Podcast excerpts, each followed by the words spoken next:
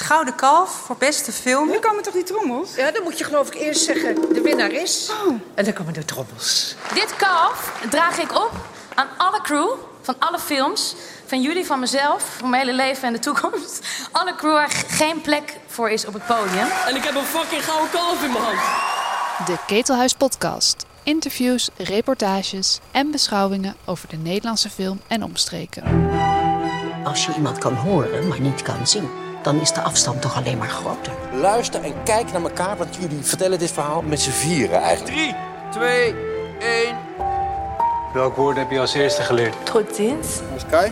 Ik zie hem niet. Sky, ik wil dat je nu tevoorschijn komt. Vind niet leuk meer. Probeer je voor te stellen wat je voelde toen je mij voor het eerst echt zag. Have you heard about this crying statue? Of course, who hasn't? Brokeback Mokrop. Ik wil nooit, nooit, nooit, nooit zonder. Alles of niets, kiddo.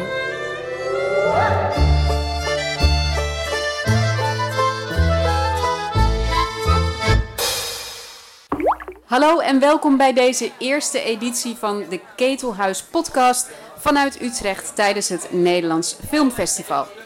Ik ben Floortje Smit en ik zit hier naast Alex de Ronde in café Mevrouw Dudok in de Schouwburg.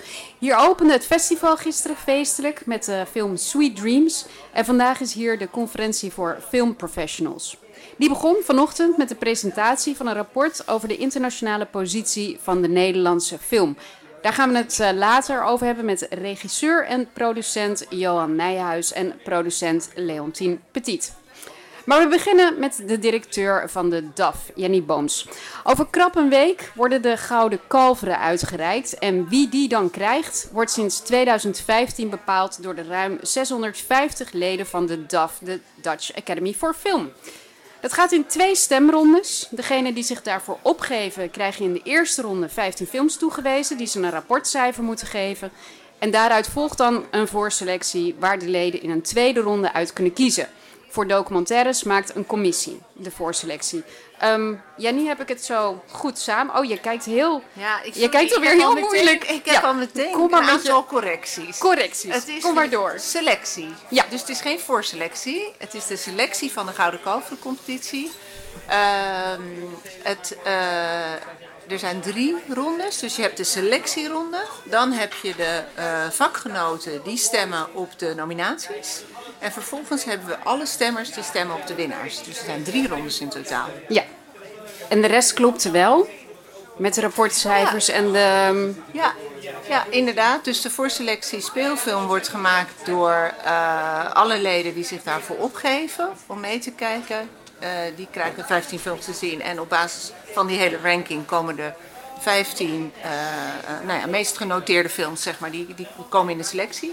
En de, voor, de selectie van de uh, documentaire die wordt gedaan door een selectiecommissie van zeven personen. Ja. Het is best veel werk, 15 speelfilms kijken. Hoeveel mensen doen dat? Hoeveel mensen geven zich daarvoor op? Oh, die cijfers weet ik niet uit mijn hoofd. Uh, maar best wel veel. Ja? viel mij heel erg mee. Ja, dus we, uh, het is wel fijn om te zien dat zoveel mensen echt geïnteresseerd zijn en echt ook een rol willen hebben in de eerste stemronde. Want uh, mensen hebben ook de mogelijkheid om zich op te geven voor alleen stemronde 2 en 3. Ja, maar hoeveel heb je het dan over 10% van de Academy of 20 nee, nee, of de nee, helft? Of... Ik, ik, ja, uit mijn hoofd 200 of zo. Die alleen voor de eerste uh, ronde. Hè? Dus in totaal is het veel meer. Ja. Ja, ja, ja. Sorry, ja, daar had ik natuurlijk even op moeten zoeken van tevoren. maar, uh, ja, ja. En de, jij zegt 15 films is veel werk. Maar de, de documentaire selectiecommissie heeft bijna 50 films bekeken. En daar een selectie over gemaakt. Laten we het eerst eens over die speelfilms hebben. Um, we hebben even naar die selectie gekeken, of wat uiteindelijk meedoet. En dat valt toch op dat gewaardeerde films als Goodbye Stranger, en nummer 18 en uh, de ogenschijnlijke romantische komedie Only You volledig buiten de boot vallen. Ligt het aan het systeem of aan de films? Aan de films natuurlijk, nee. Uh, wij, uh, uiteindelijk, er was natuurlijk best wel een grote keuze. Voor de, zeker dit jaar, voor alle stemmers. En uiteindelijk komt daar een top 15 uit. Ja, wat er in de hoofden van de stemmers omgaat, daar kan ik natuurlijk niks over zeggen. Dat weet ik ook niet. Maar dit is uh, een, een, een, de selectie die er uiteindelijk uitkomt. Ja, daar zullen altijd misschien ook wel goede films moeten afvallen. Ik stel me zo voor om het even op Only te, uh, tot Only te beperken. Uh, die heeft bij een beperkt aantal Academy-leden op het lijstje gestaan van 15 te beoordelen films. En ik stel me zo voor dat het gros van die kijkers na een minuut of tien de screener heeft uitgezet. Want ze dachten, ach, dit is weer een zoveelste romantische komedie. Terwijl ze nog niet wisten dat de Volkskrant later vier sterretjes zou geven aan die film. Met als nadrukkelijke mededeling: dit is niet wat het lijkt. Dat vind ik dan wel heel erg sneu voor de makers. Ja, jij stelt je dat voor. Ik weet het niet wat er in de hoofden van stemmers omgaat. Dus ik, uh, ja, in principe worden alle films worden gewoon bekeken door alle mensen die zich opgeven. We zeiden het al, dat zijn er honderden. En daar komt deze selectie uit. Ja, ik weet niet wat ik daar verder uh... Nou, laat ik het anders stellen. Als wij zeggen, we vinden het ontzettend jammer dat Only You niet meedoet. Ja. Um, is, is die klacht van ons te ondervangen in de toekomst? Of... Jazeker, dan zou het dan? betekenen Ja. dat je die hele uh, eerste selectie laat varen. Dat betekent dat alle stemmers, alle films, alle speelfilms waar we het in dit geval over hebben, weer zouden moeten kijken. Zoals het twee of drie jaar geleden uh, was.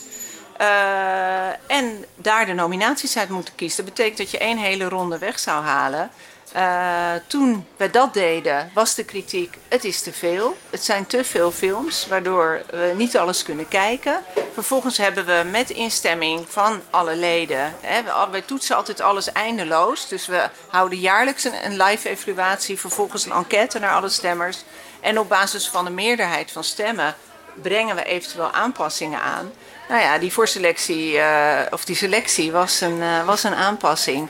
En uh, ja, die kan je ook weer weggaan. En dan heb je wel alle films die beschikbaar zijn voor, om uit te kiezen, om de nominaties uit te kiezen.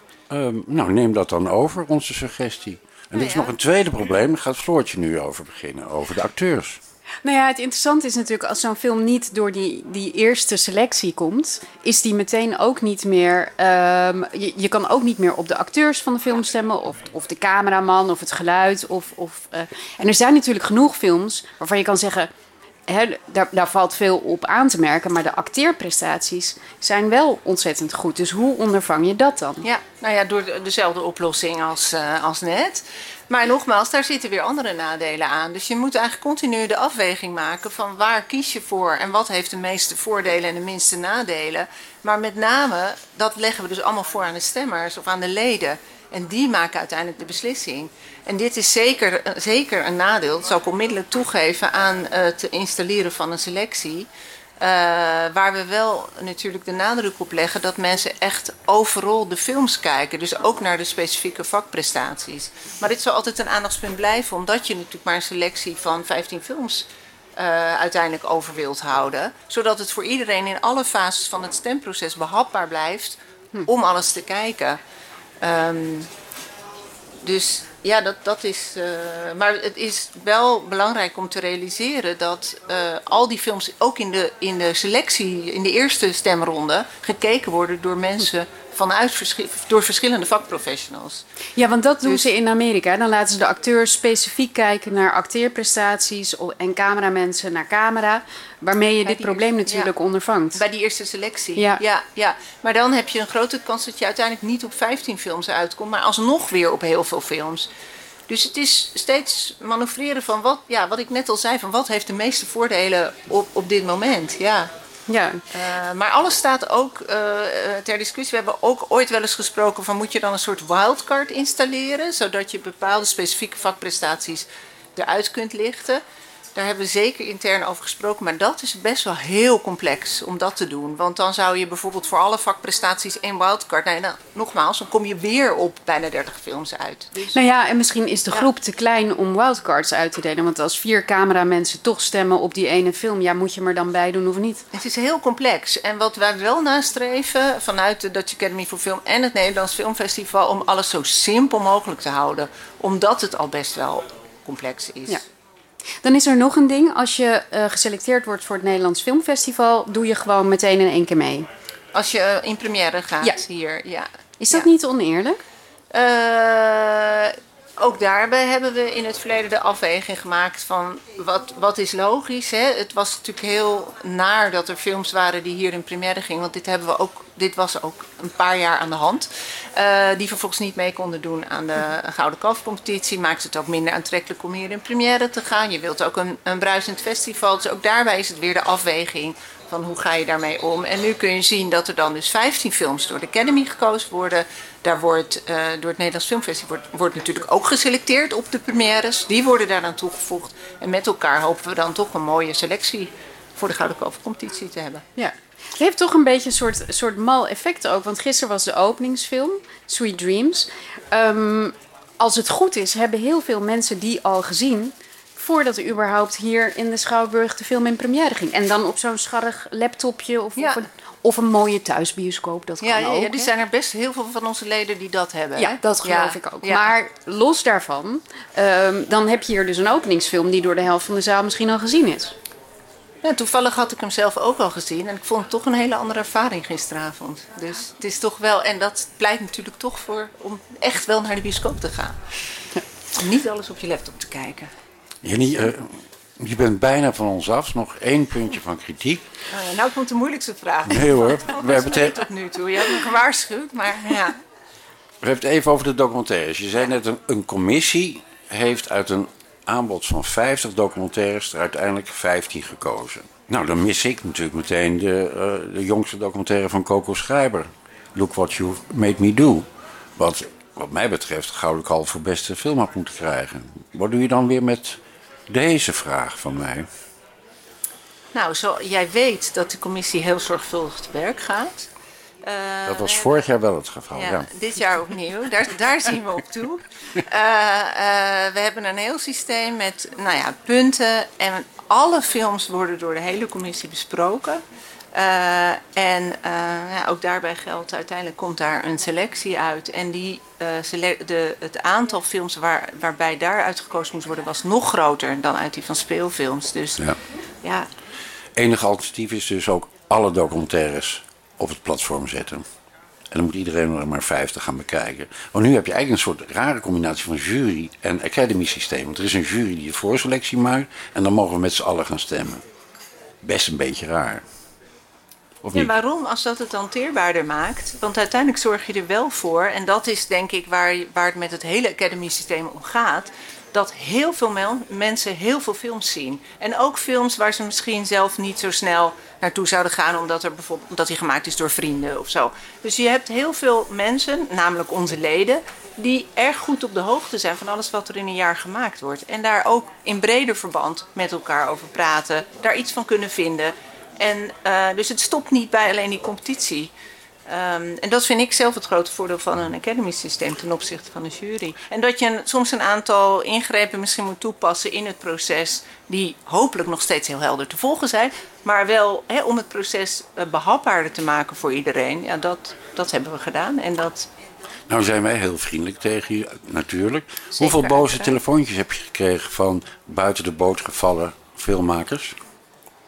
Eh, nou, dat valt best wel mee. Wel, en op meer het dan moment, tien? nee, en, op moment, en, en, en met iedereen hebben we een uitgebreid gesprek gevoerd. En die gesprekken verlopen over het algemeen heel eh, vriendelijk. En, Je bent niet bedreigd. Er zijn geen fakkels aan je Nee. voordeur gekomen. nee, nee. Wie weet komt er. Ik denk. Ja. En eh, breng mensen niet op ideeën, Alex. Dankjewel. Alsjeblieft.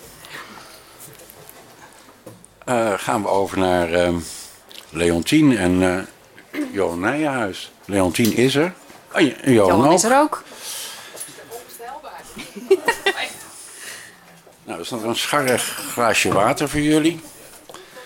Nou, vanochtend werd er een uh, prestigieus rapport gepresenteerd. Uiteraard in het Engels, anders uh, is het minder geldig. Er is Nederland uh, vergeleken met landen als Denemarken, Zweden, België en Oostenrijk. He, dus we hebben gekeken naar hoe de speelfilms in de periode 2010-2022 het hebben gedaan. Voor de hand liggende conclusie was. Um, internationaal hebben die films heel weinig bereikt. Ze hebben weinig festivalselecties gehad. En um, al helemaal geen prijzen.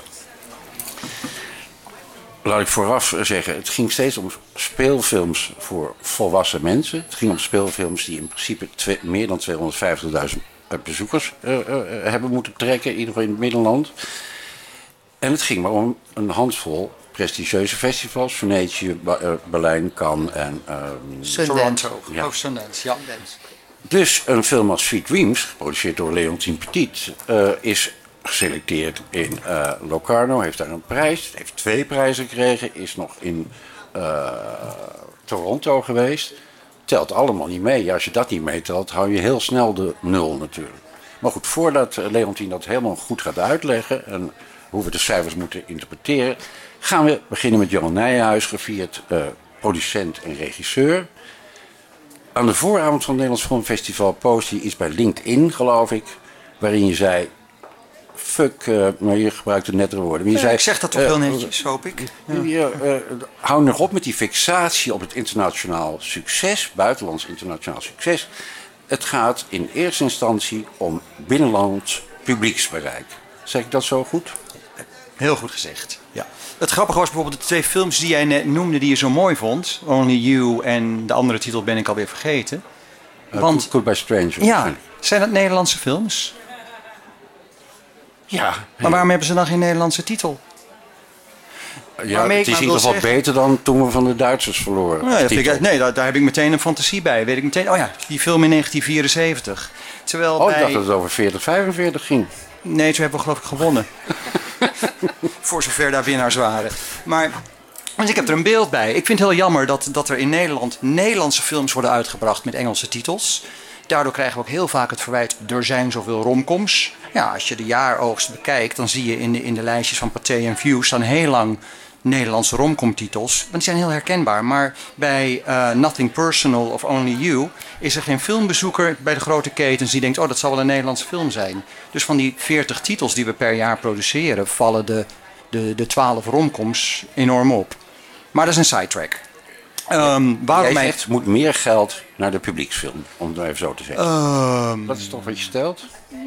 Ja, dat is wel wat ik stel. En dat roepen we natuurlijk altijd. En je moet voorkomen dat je in een wel eens niet de situatie komt van waar moet dat geld nou naartoe. Maar omdat vanochtend dat rapport uh, toegelicht zou worden. En de, de vraagstelling bij het rapport was heel erg van hoe kunnen we nou zorgen dat we als Nederland scoren op die vier grote festivals. En daar heb ik de wedervraag wel willen stellen. Waarom zou je dat willen? En dat geld? Nou ja, dan kun je vervolgens kijken van moeten we dan miljoenen belastinggeld inzetten om uh, de jury in kant te paaien? Of zetten we dat in om de volgende minus te maken? Oké, okay, dus het moment om over te gaan naar Leontien Petit, denk ik. ik uh, ben redelijk, uh, mijn oren een beetje te klapperen. Ik heb het gevoel alsof ik met iemand uh, aan het praten ben die uh, uh, Nederland uit de Europese Unie wil hebben. En, of stemt op de BBB-partij. Ik weet niet, hoezo zouden we alleen maar films moeten maken voor Nederland? Nou ja, en Nederland, bestaat, Nederland is onderdeel van de hele wereld. En helemaal van Europa. Ik zie dit heel erg dat wij als mini-mini-landje van 17 miljoen mensen... dat stelt helemaal niks voor. We moeten ons verhouden tot de Europese cultuur. Daar begint het al mee. Dus ik, ik, ik snap hier helemaal niks van. Laat het me uitleggen. Um, waarom zouden wij films moeten maken voor heel Europa als wij nou, en dat bleek vanochtend eigenlijk, daar het minst geschikt voor zijn? Want dat kunnen we blijkbaar helemaal niet. Nee, dat is onzin. Als je ergens niet geschikt voor bent, wil niet zeggen dat je niet de ambitie kan hebben om ergens. Hè, dat zou betekenen, ik kan niet lezen, dus ik hoef niet te leren lezen. Nee, dat is, dat, zo, zo werkt dat niet volgens mij. Um, het is een beetje gek dat je me daarna in de hoek zet van, van BBB of Exit Europa. Enorm voor, uh, voor Europa. En uh, ik vind Caroline van der Plas een buitengewoon uh, amusante dame. Die in de media vergeleken is met Ma Vlodder. En dat vind ik heel leuk, want dan hebben we blijkbaar als filmmakers een, iets gecreëerd wat in het gemeenschappelijk geheugen, in het collectief geheugen genesteld is. En het leuke van film maken is dat je iets bijdraagt aan een filmcultuur. En een filmcultuur beleef je samen. Wij hebben samen een referentie aan. Achter op de fiets gaat een bruidje naar het stadhuis. Dan weet je en over welke film ik het heb. En we weten van, oh ja, dat doen heel veel bruiden als ze, als ze een leuk statement willen maken. We kunnen samen lachen om Judeska. En zelfs de totale verrassing van de Tata's heeft iets blootgelegd over Nederland. Ja, maar je hebt het over... En dat vind ik, dat vind ik filmcultuur. Ik heb het over en-en. Ik, ik snap niet waarom je... eh, volgens mij kan de Nederlandse filmcultuur uit veel meer bestaan... dan alleen de Nederlandse publieksfilm. Want precies wat iemand eh, vanochtend ook zei. Die zei, vroeger, hè, in ehm, eh, Oma Praat... hadden we inderdaad het productiefonds en hadden we het... Filmfonds. het filmfonds. En eh, ik, daar waren toen twee eh, min of meer heads voor. Dat hebben we op een gegeven moment afgeschaft en hebben gezegd... het is juist belangrijk dat er een soort synergie komt. Maar in principe is het nog steeds zo dat je een, eh, een publieksfilm kan gewoon goed bestaan... naast de ambitie om eh, ook eh, meer cinema te maken... zeg maar veel meer als kunstvorm. En dat hoeft elkaar helemaal niet uit te sluiten. Maar het is dus niet zo volgens mij dat we alleen maar... films hoeven te maken als de Tata's of de beentjes van Sint Hillegard. Maar daarnaast moeten we ook volgens mij voortdurend proberen om op dat internationaal speelveld mee eh, te doen. Omdat we ook daarmee onze Europese cultuur, onze Nederlandse cultuur proberen over de grenzen te brengen. Want het is, en ook sommige dingen zijn universeel volgens mij. En die hebben niet zoveel met alleen Nederland te maken. Ja, nou, vanochtend was bijvoorbeeld Brimstone eh, een mooi voorbeeld. Hele ambitieuze film. Mooie film voor de zeggen veel mensen. Maar wat heeft dat dan aan Nederlandse cultuur over de grenzen gebracht? Nou ja, op zijn minst zeg maar, hebben over de grenzen mensen gezien dat wij in Nederland een, een filmmaker hebben die zeg maar een bepaalde eh, ehm, verhaal te vertellen heeft, wat hij wil vertellen. Hij vertelt in dit geval in het Engels. Eh, hij heeft een bepaalde vakkundigheid waarmee hij zeg maar, het verhaal verteld heeft. Maar ik weet niet eh, in dit geval of het altijd per se over de Nederlandse cultuur hoeft te gaan dan. Hè, dat is niet alleen maar, ik denk wel de manier waarop Martin Brimstom heeft gemaakt, is een, in ieder geval een niet-Amerikaanse manier. Is een Europese manier, heeft hij naar in dit geval dit western genre gekeken met zijn eigen verhaal. Maar ik weet ook niet of dat, ehm, dat wat jij, waar jij het over hebt, dat het heel erg belangrijk is dat het zeg maar iets wat gemeenschappelijk is, wat aan ons geheugen zit, alsof dat het enige criterium is waarmee je films zou moeten maken. Ja, is gelukkig niet het enige criterium. Er wordt bij, bij filmcultuur denken we heel snel highbrow. Dat filmcultuur, dat is wat, wat de internationale cinema is. En, en ik zou wel willen zeggen, nee, filmcultuur is wat je met elkaar deelt. En eh, er is natuurlijk een heel select publiek van wat, wat in filmtheaters iets met elkaar deelt.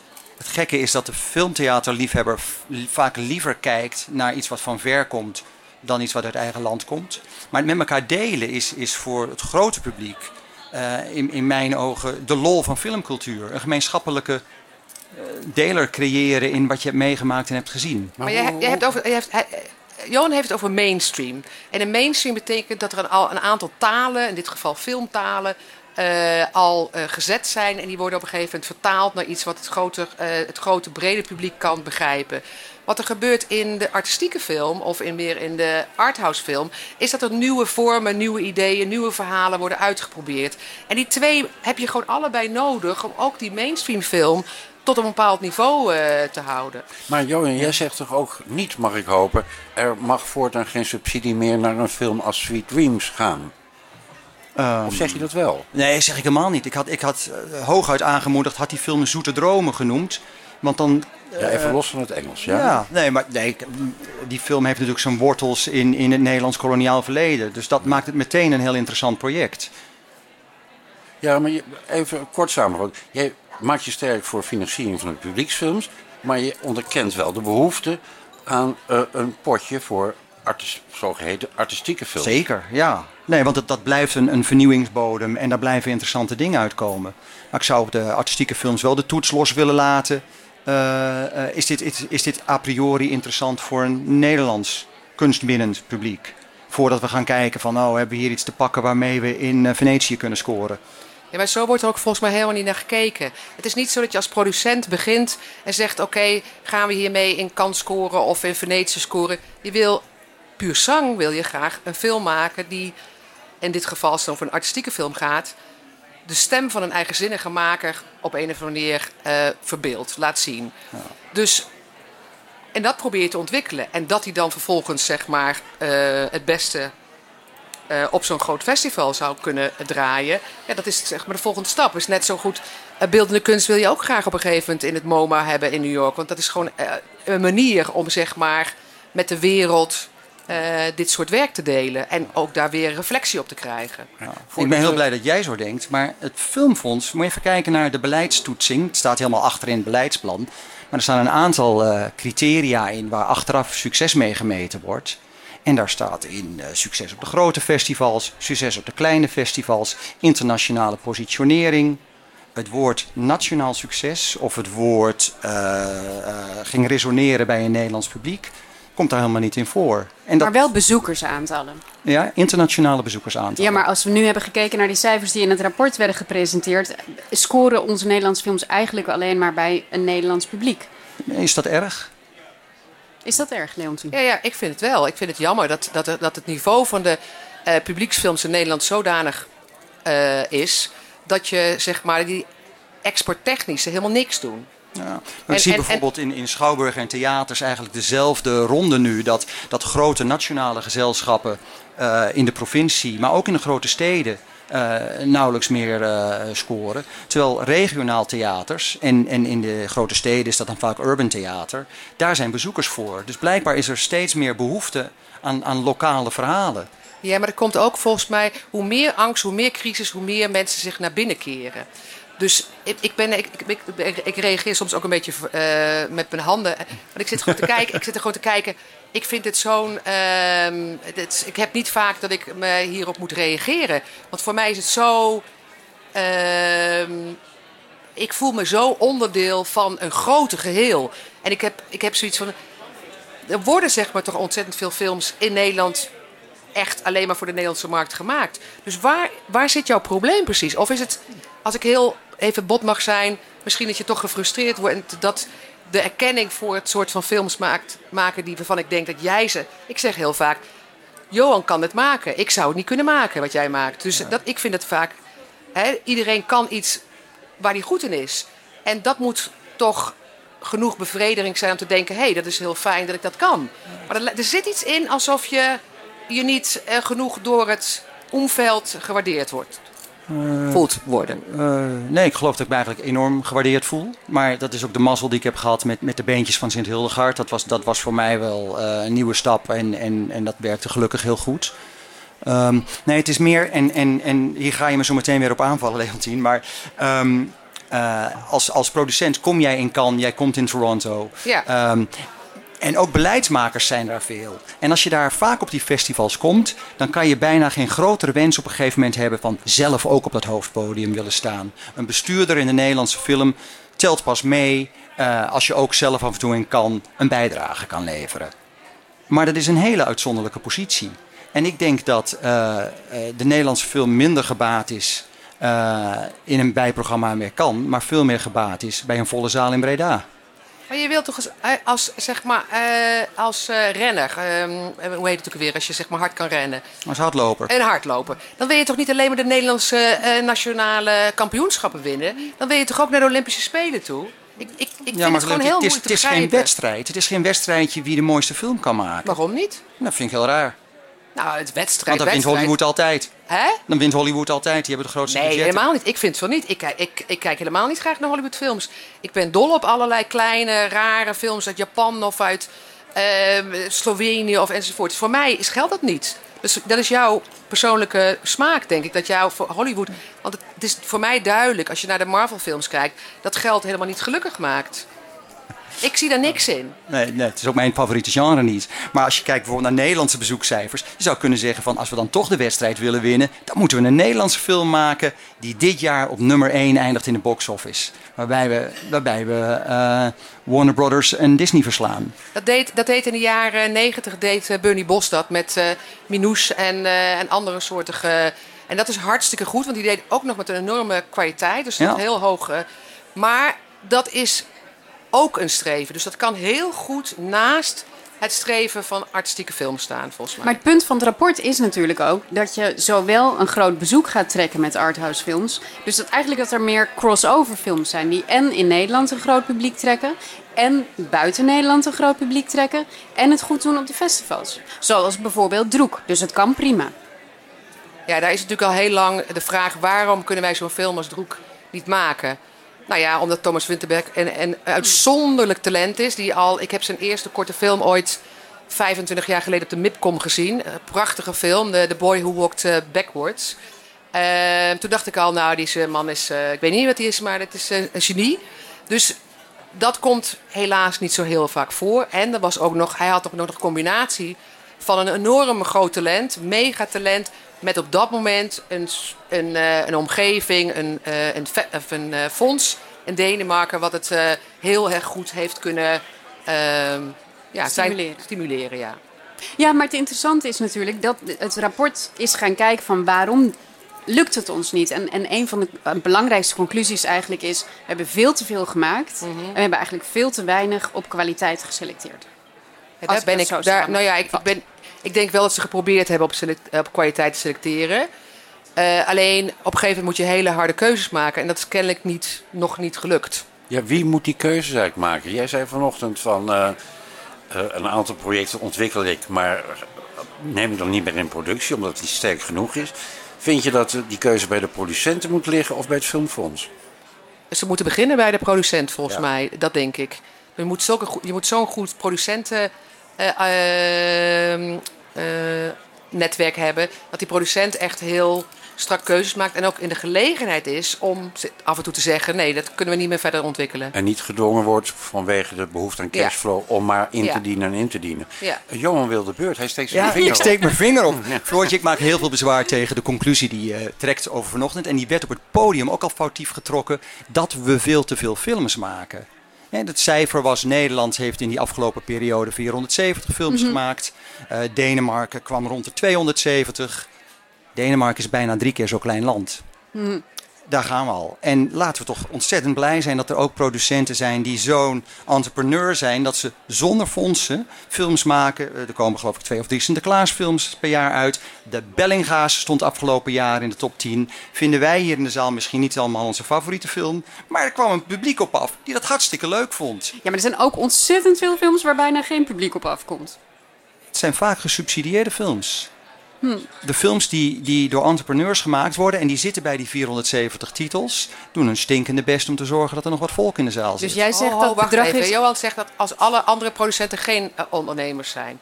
Jawel, ook. Nou ja, goed, Zeker. dat is wel even belangrijk. Uh, Nee, Leontien, wat dat betreft alle hulde. Want, want de, het lef en de voortvarendheid waarmee jij zorgt dat de mensen met wie je werkt mooie budgetten krijgen om hun films te maken, dat vind ik heel knap. Ja, maar dat komt omdat ik probeer iets te doen waar wij goed in zijn. En jij doet iets waar jij goed in bent. Dus ik, ik, ik vind de hele tegenstelling niet zo heel interessant persoonlijk. Want ik denk dat als, als je het hebt over de commerciële film... Hè, want je hebt het net over een paar producties... volgens mij krijgen die wel incentive. Klopt, ja. Nou ja, dat is toch gewoon fondsgeld? Ik weet niet wat het is dan. Nee, dat is geen fondsgeld. Nou ja, nee, dat is van economische zaken. Nou ja, dat vind ik wel fonds, eh, fondsgeld. Nou ja, dat is een economische stimuleringsmaatregel. Nee, volgens OCW. OCMW, Ja. oké, sorry. Ten Daar tweede krijgen die films krijgen ook nog revolverende middelen.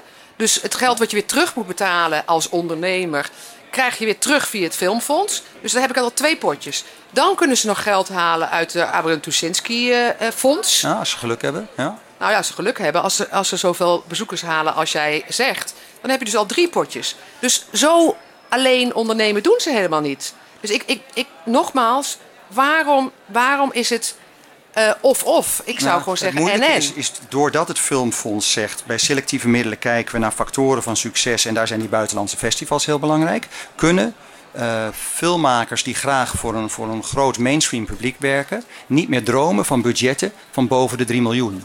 Omdat met de potjes die jij eh, noemt, zit je altijd voor 1,2 miljoen, 1,5 miljoen een film te maken. En het verschil tussen. En daar heb je net je eerste 15 draaidagen mee en drie figuranten. Maar zodra je groter durft te dromen, moet je langs het selectieve poortje. En als daar een poortwachter staat die je script leest van hmm, gaat dit het doen in kan? Ja, dan ben je Ja, natuurlijk als dat- Nederlandse dat mainstream. niet. Ik heb, ik heb ook Maar met het eh, staat geld in het beleidsplan. Ik heb, ik heb net voor een comedy hebben wij geld gekregen uit dat eh, selectief commerciële potje. En daar staat helemaal niet in dat die film die gaat nooit naar Cannes. Die gaat nooit, nooit, nooit, nooit naar Cannes. Maar die heeft wel zeg maar de bedoeling om een kwaliteits commerciële film te zijn. Dus je probeert op een of andere manier uit te leggen. Wij denken, eh, het is gewoon een, gewoon een eh, hij heet Schoolfeest overigens. Volgens mij een onwijs leuke comedy. Maar, ehm, dus volgens mij, ik weet niet, eh, het, maar het is wel zo dat, dat je als producent op een gegeven moment snapt... wat komt op een gegeven moment wel door het fonds... en wat wordt door het fonds meer gezien als iets wat ja, een bepaalde kwaliteitsnorm heeft of je daar wel of niet mee eens bent, ja, dat is, dat is gewoon ontzettend lastig, vind ik. je kan allerlei dingen verzinnen. Maar Johan zegt dat de, de commerciële potjes te klein zijn. Ehm, je wil meer geld hebben. Nou, je moet denk ik niet nog meer automatische regelingen optuigen. Want dan, dan, dan krijgen we straks zeven Sinterklaasfilms. Um, maar binnen de selectieve steun moet je denk ik goed kijken naar, naar wat zijn films. En ik hoop dat, dat, dat je grote comedy het in Nederland geweldig gaat doen. En, en, en um, dat, fijn dat hij gehonoreerd is. Dat is ook echt heel goed. Um, nu, maar je, de, grote, dit de grote publieks... Ja, ja, dit is glad even. Nu zeg je, het selectieve potje, wat helemaal niet zo groot is... Uh -huh. dat moet voor een groot deel naar mainstream publieksfilms. Ja, dat, dat zeg ik wel. Ja, dat zeg ik wel, ja. Nou, dan maak je enorm veel artistieke producenten enorm ongelukkig mee natuurlijk. Oh, dat vind ik heel jammer voor ze. Sorry, wat zei je? Dat vind ik heel jammer voor ze. Nou, maar volgens mij, ik, volgens mij eh, moeten we ook weer daar, daar iets genuanceerder doen ik denk dat als je het hebt over een film als Druk. Hè, die heeft een, een, een, een groot commercieel uh, succes in Denemarken en in de rest van Europa. Dat is een bepaald soort film die zowel een groot publiek kan bereiken... als dat hij zeg maar de, de artistieke toets kan uh, trotseren. En daar, daarvoor is natuurlijk zeg maar, dat geld bedoeld. En dat is wat het Filmfonds wil. Is het moeilijk te maken? Het is ontzettend moeilijk te maken. Bedoel, dat, is maar, dat lukt maar weinig mensen om dat te maken... Dus daar zoeken ze volgens mij de hele tijd naar. En dat is ook van hoe, hoe ontwikkel je daarop? Want Thomas Winterberg is op een gegeven moment iemand geworden. Net zoals uh, Jockus Lantimos op een gegeven moment iemand geworden is die een veel groter publiek bereikt. Overigens ook door de fantastische acteurs die erin heeft. Ehm, dus dat, hoe groter die acteurs worden, hoe meer mensen op een gegeven moment denken: oh, die acteur wil ik wel zien. Nou, deze, deze maker wordt dan groter en groter. En, en opeens worden die films ook door een groter publiek gezien. Is nog steeds volgens mij best beperkt. Maar, uh, dus de vraag is inderdaad: moet je meer commerciële films maken die niet die, uh, dat extra hebben, of die eigen stem, of die eigen visie? Of, of moet je zeggen: nee, daar moeten we op inzetten. We moeten proberen scripts te ontwikkelen die en die eigen stem hebben en tegelijkertijd een groot publiek eh, bereiken. Jij neigt naar het laatste. Ja, ik wel. Um, hoe, hoe kunnen we dat doen? Waar zit, waar zit nu precies het probleem waar de ontwikkeling van dat talent dan in zit? Is dat zo'n stimuleringstraject? Of... Ja, dat, dat weet ik niet zo goed. Ik denk op een bepaalde manier als je uh, Anna nog uh, drie films laat maken, dan gaat ze steeds groter publiek bereiken. Ik bedoel, kijk naar gisteravond. Het is, het is nu zeg maar uh, heel eigenzinnig, ehm, met een hele eigen idioom. En niet iedereen zal zich daarin kunnen verplaatsen. Maar er zit ook humor in. Er zit ook een, een, duidelijk verhaal in, enzovoort. Dus ik denk als zij zeg maar... Ja, steeds wat ik zeg, uh, wacht maar drie films af. kijk bijvoorbeeld naar Ruben Osland. Die gaat ook steeds groter publiek krijgen. Ja, dat rapport zegt heel concreet, dat rapport van vanochtend... een van de concrete aanbevelingen, je moet... De, gedebuteerde regisseurs moet je zorgvuldig in een traject begeleiden naar een tweede film. Nou, Enna lijkt me daar een heel goed voorbeeld van. Ze is mm begonnen met haar debuutfilm bij Pupkin. De tweede film zit bij jou, bij Lemmingfilm. Heb je haar anders behandeld dan een meer ervaren regisseur? Met andere woorden, heb je al een aanbeveling van het rapport gehouden? Nou, we hebben haar uh, heel erg veel gekeken naar wat heeft zij nodig. Want zij was zo'n zo'n uitgesproken stem... dat je denkt van oké, dit gaat minder over wat uh, zeg maar de regels van film of de, hoe, hoe hoort het allemaal. Maar de hele tijd, zij was heel erg leidend in uh, wat ze wilde vertellen. En daarbinnen probeerden we haar de hele tijd zo goed mogelijk te begeleiden. Maar wat ik vanochtend ook al zei, en hij is zelf iemand die heel veel initiatief neemt. Die pakt gewoon de telefoon op met Ruben Ostlund en zegt: Hallo Ruben, ik vind jou fantastisch. Uh, mag ik met jou praten? En en dan gaat, het script wordt door hem gelezen. Nou, of dat doet ze bij een Franse editor of bij. Ze zoekt de hele tijd naar mensen die zeg maar haar eh, kunnen ondersteunen. En daar begeleiden we haar in. En zorgen dat ze daar de middelen voor heeft. Of we zeggen, ga maar eh, drie maanden eh, in Berlijn zitten om eh, langer na te denken of te schrijven. Dus heeft, ja, in dat opzicht dat, is dat anders dan bij, eh, ehm, bij sommige andere regisseurs. Er gaan in Nederland heel wat tweede films van veelbelovende debutanten de mist in. Hè? We hoeven geen namen te noemen, maar wat gaat er dan mis? Nou ja, om te beginnen zijn niet alle eerste films van deze tweede makers misschien zo goed dat je eh, kan verwachten dat hun tweede film ook fantastisch wordt. Dus soms eh, ja, blijkt het dat ze toch meer films moeten maken om überhaupt tot wasdom te komen. En sommige makers hebben misschien eh, dat ze ja, misschien niet goed begeleid worden of niet genoeg de tijd nemen. Kijk, wat natuurlijk een heel groot probleem is voor regisseurs als zodanig, is dat wil je zeg maar je echt ontwikkelen, dan moet je dus al je tijd en energie erin stoppen. En het is niet in zo'n soort vak als regisseur is niet zo goed betaald. Dus daar zou je naar moeten kijken van hoe kun je dat zo regelen dat ze in ieder geval een, een bestaanszekerheid hebben, zoals eh, Omzicht zo mooi eh, zegt.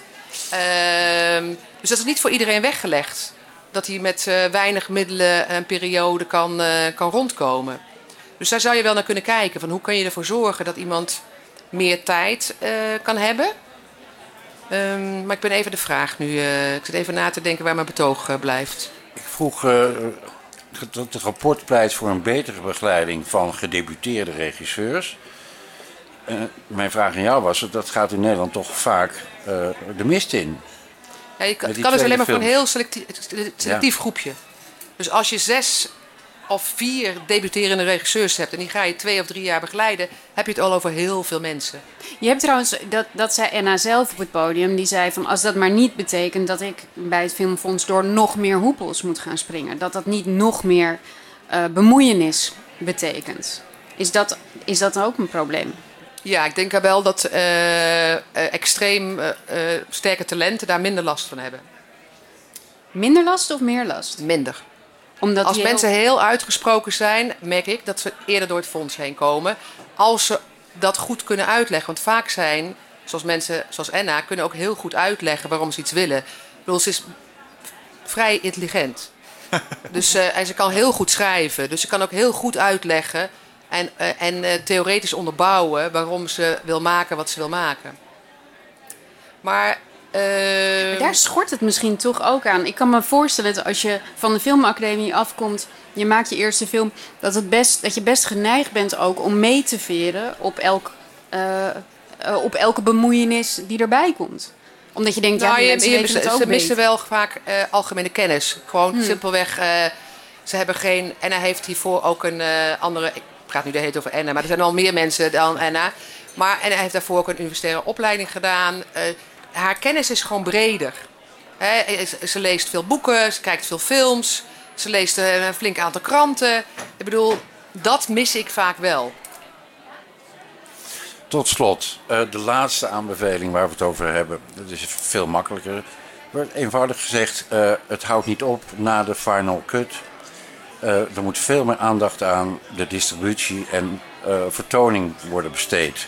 Wil je een fatsoenlijke kwaliteitscinema op peil halen. Jouw eh, marketingapparaat, Johan, is over het algemeen eh, goed op orde. Eh, Dank je. Hoe- Hoe doe je dat? Nou, de, de, de, de- het gekke is dat ehm, ik zie soms collega-regisseurs die, die, die een mooie artistieke film hebben gemaakt, zeggen ja, maar nu ga ik crossover en nu wil ik een groot publiek bereiken. Vervolgens casten ze toch acteurs waar ze altijd al graag mee werkten. En dan denk ik van oei, ja, dat is wel heel lastig als je niet één grote naam erin hebt zitten eh, eh, waar je het grote publiek mee kan bereiken. Ehm, dus ehm, eh, succes in de marketing betekent soms toch eh, aan de voorkant misschien wel een klein compromis. Is dat een wijze les voor Leontien? Nou, kijk, ik ben het hier totaal eens met eh, Johan. Ik denk dat het heel goed is om erover na te denken. Maar je kan ook dat soort keuzes maken zonder meteen een compromis te doen. Want er zijn ook gewoon heel veel acteurs van hoog niveau die bij een breder publiek bekend zijn. Eh, dus dan hoef je niet te denken van nou, ik doe een compromis. Maar dan denk je, hé, hey, dat is wel eigenlijk een hele geschikte persoon voor deze rol. En het is absoluut zo dat ja, het publiek die houdt gewoon van, eh, van mensen die ze al een keer gezien hebben.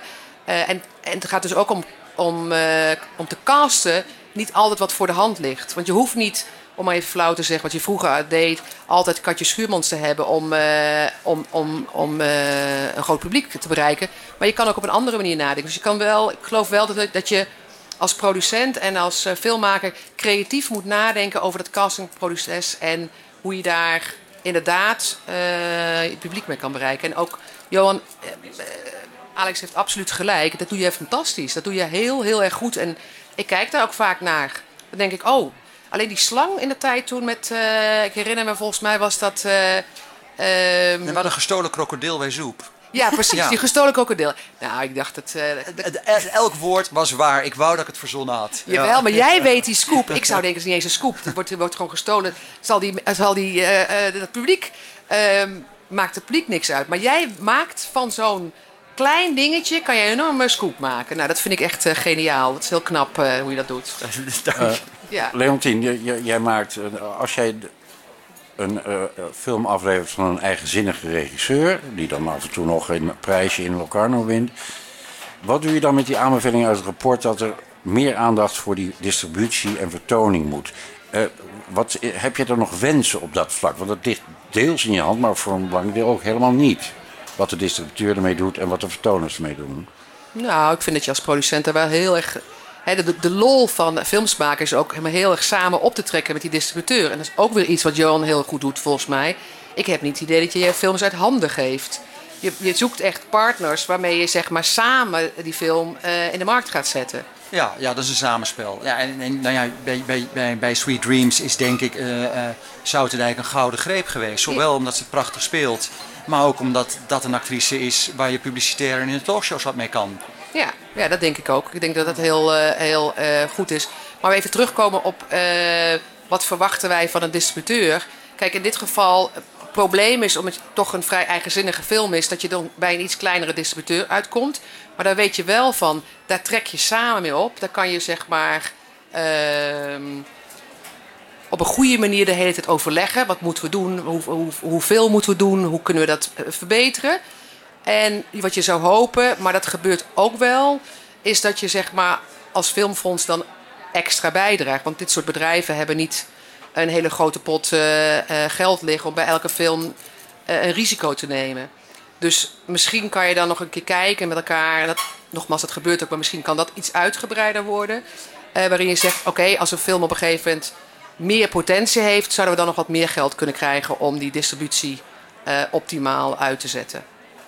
Alleen een kwestie van geld dus, weer. Nou, ik weet niet of het alleen een kwestie van geld is.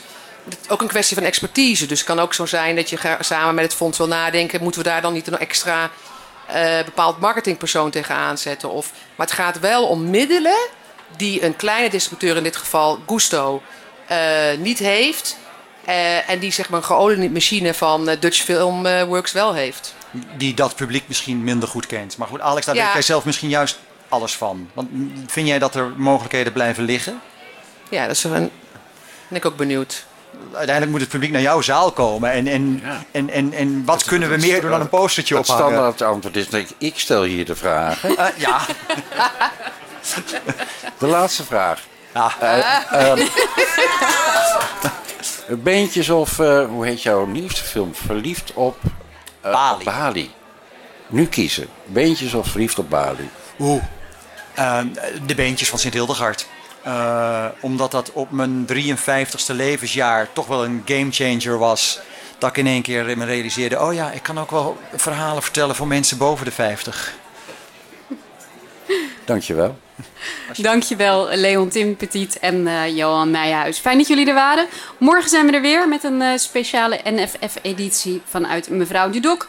Kom dan luisteren of abonneer je via de podcast-app, zodat je geen aflevering mist. Tot dan! Dank, dankjewel.